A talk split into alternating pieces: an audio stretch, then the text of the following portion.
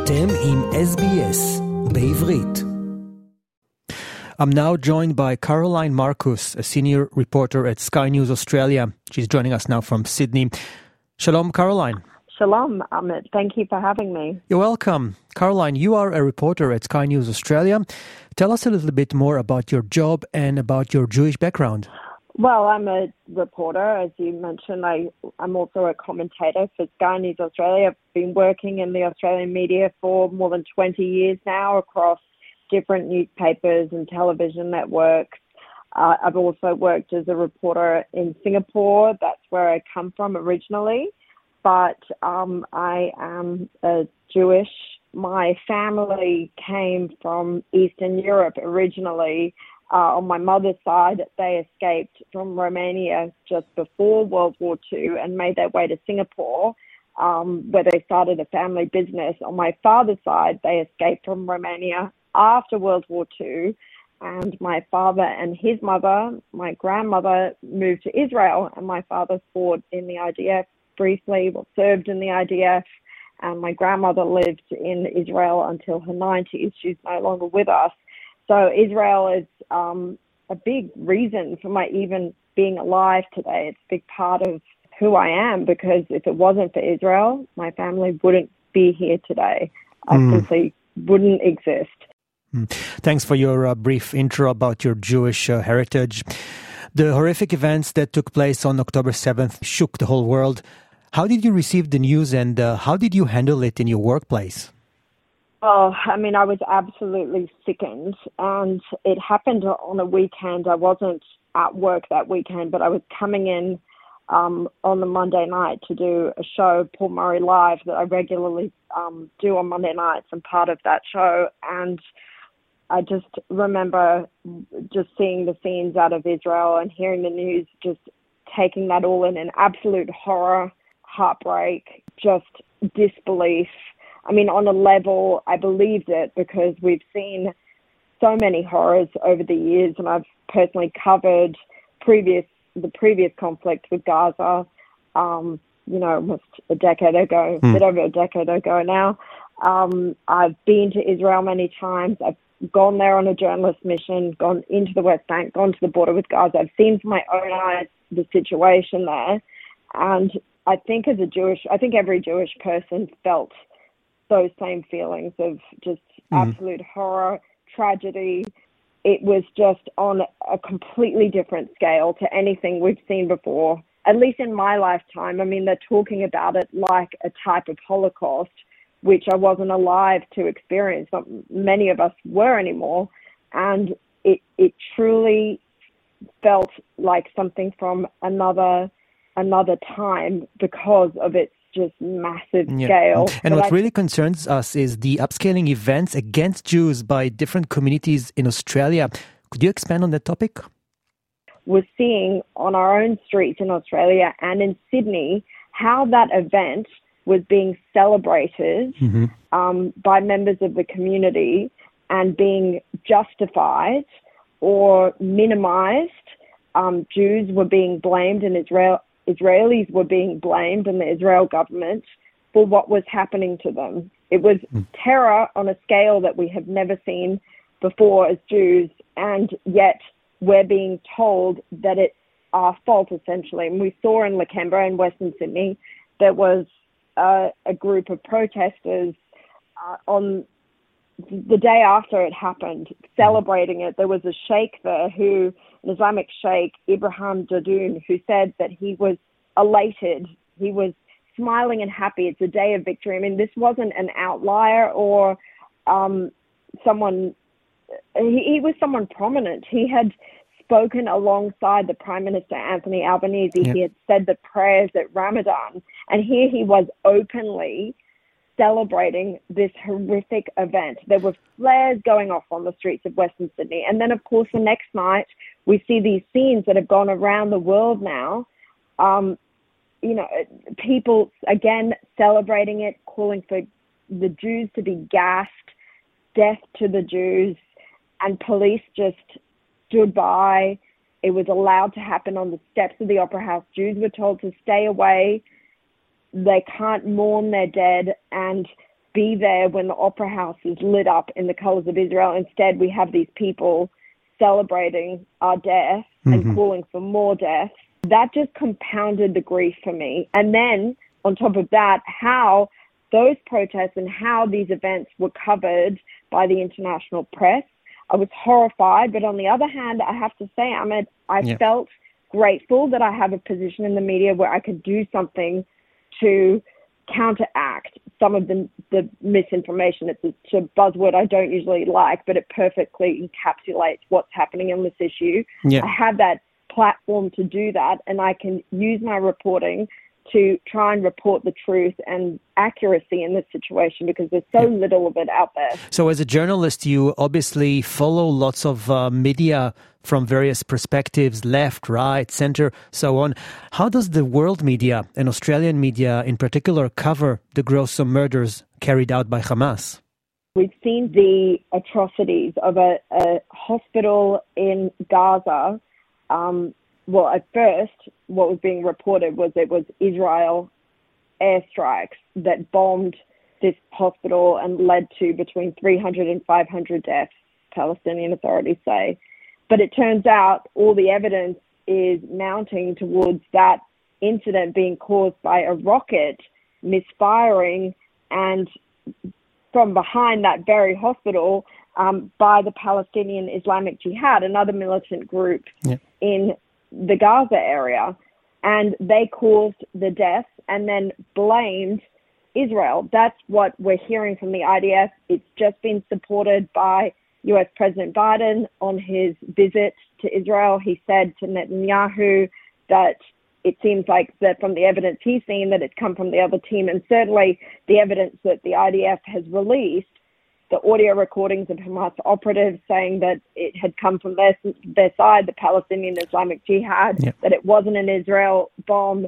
Um, the, the video we've seen released by Al Jazeera and another source showing that rocket firing from behind the hospital and then coming back all seems to support that. And yet, what did the international media do afterwards? What did politicians do such as Democrat, like members of the squad in the US Democrats, they immediately condemned Israel. Even our own prime minister here was pretty weasel word, worded about his response, saying, calling for no civilian deaths. People yeah. seem more inclined to believe Hamas, a prescribed terrorist organization's version of events, even though they're, they're people who've shown that they have absolutely uh, no deserve no credit whatsoever. Um, credibility whatsoever. Why do you think Israel is always losing the battle of showing who is right and who is wrong? In Hebrew, we say it hasbara. Why do you think it's happening? It is really tough, and I think there's a lot of different reasons behind it. One is Hamas has been clearly much better at finding a propaganda war than Israel. I mean, I think also Israel is trying to go about this um, with Western democratic values. Before before it could release anything about this incident and bombing, it had to make sure that it wasn't actually one of their bombs. You know, they didn't want to come out and say straight away, it's not us. They actually did all the proper checks, tried to find out exactly um, where it's from, look through their intelligence, fi- find out all the evidence to support it. Whereas Hamas can obviously just go and say this is Israel's fault, and they're first out there. And often the person who's first out there is the person that that news, especially in the world of social media, just gets retweeted and reposted and shared and and by by that point it's too late because people have a version of events. The other issue um, is that I think there is a lot of prejudice. It is the oldest hatred in the world, and it saddens me. But it seems to suit a lot of people's narratives when it comes to having Jews to blame, mm-hmm. because you don't hear as much concern, especially from the left, about the Palestinian people when it's, say, it involves Arab countries oppressing them. I mean, where's the anger towards Jordan about the Palestinian people, or the fact that no Arab country has accepted any Palestinian refugee, or that Egypt has a very hard blockade on Gaza, mm. just like Israel, for security reasons as well. There's no criticism of them because Jews are not to blame. So I don't think we can overlook the fact that there is a common factor here when Jews are to blame. No Jews, no news. I want you to briefly comment on an iconic headline in a recent BBC item where they said BBC defends policy not to call Hamas terrorists after criticism.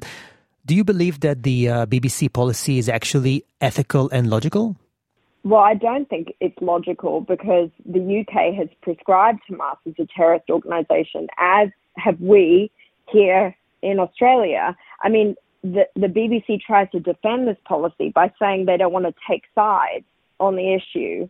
But sometimes when you don't take sides on the issue, you are taking a side because there is no moral equivalence between how Israel defends itself and how Hamas targets innocent civilians and the horrific acts that we saw perpetrated on them. There's hmm. absolutely no moral equivalence. To simply say we're not taking sides, you are taking a side because there is clearly a, a, a moral right side on this issue. But even taking that away, your own country, your own government pre- prescribes this organization as a terror attack. Now, on an, another reason that it's not ethical or logical is that the BBC have described other incidents as terror attacks. Like uh, shortly after that, there was an attack in Belgium, and straight away the heading was that it was an act of terror. So if they're not going to apply that policy that they apparently have, it's a general policy, that was their defense, then at least be consistent with how you apply it, not just when it applies to Israel. Hmm. Many Jews uh, who came to Australia after the Holocaust uh, used to say, uh, We came here to Australia. It's very far away from the rest of the world. We feel safe here. At present, many Jews no longer feel very safe uh, all around the world. Do you think the governments and the authorities and the media could do more to ensure the safety of Jewish communities in their countries? Look, I mean, I think the governments and authorities could certainly do more uh, especially here in Australia, and I'll bring up some recent examples. We look at what's happening in Europe lately with horror, especially in places like France. Um, the amount of anti-Semitism, although I note that um, the French government recently banned pro-Palestinian protests there because they're getting so out of control. So they did take a very strong stance on that issue, but it is deeply concerning what's happening overseas. And we've seen increasing incidents of anti Semitism. I've covered some of them um, in my reporting before even this latest conflict. And of course, this has just triggered an onslaught of incidents. I mean, I was in court last week for um, an Australian man who accused, uh, who, who threatened, allegedly threatened four Jewish boys, teenagers, who were putting an Israel flag on their car and he allegedly threatened um, to kill them unless they took the flag down. This is all captured on video and it's now before the court. So there's not much we can say other than to present the facts that have been presented in court, and those are the allegations. He's now facing four charges of intimidation over that. But we've seen police do a number of arrests now for an assault that happened out of the Opera House. That's also going to be before the courts, and this was the the pro-Palestinian rally, the march that mm-hmm. happened um, shortly after these events took place on a Monday, um, and I think it's it's incumbent on the government to better protect us. I mean, the New South Wales Premier Chris Minns admitted that he had failed the Jewish people when Jews could not feel safe to go into their own city and mourn the death of their people at the Opera House when it was being lit up, where instead we saw pro Palestinian protesters take over the streets and chant those awful anti Semitic slurs and gas the Jews and the other horrendous things that they were saying. They were freely saying it at the time. Why weren't there arrests on the spot? Police have now got to go through footage of the incident and try and identify people, which is very hard when you've got masked protesters. Mm. How could this have happened in the first place? Police could have shut this down at an earlier point. They say they can't stop people gathering, but as soon as there's signs of violence or anti Semitic hate, including chants of from the river to the sea, which means the destruction of Israel, these protests should be shut down. We also saw another incident, Amit, on just after the, the Premier promised us that the streets should be free from racial vilification, there will be no tolerance of it, there was a man talking about how, um, I can't repeat what he's saying because there were swear words in it, but that the Jews should be wiped out in the hmm. middle of the CBD. And it was again captured on camera. It, it, I've shared it online on my, on my X or Twitter he's clearly saying it, and a police officer says to him, "You have the right to say it, but please don't use swear words." Wow. Now, the, that man was later arrested for offensive language. I might add, nothing in terms of racial vilification or incitement to violence. Even after the high alert that we were all put on after the first protest, that this can still happen, and police don't even seem to understand what they're contending with. Yeah it, just beggars belief. So definitely think the government and police can do more. In terms of the media, I don't think it's the media's responsibility to protect people. We should just be reporting the truth, and that is a responsibility. And I think many um, outlets here and around the world are not taking that responsibility seriously.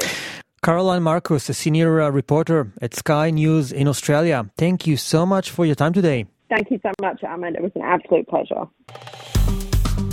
עקבו אחרינו והפיצו אותנו דרך דף הפייסבוק שלנו.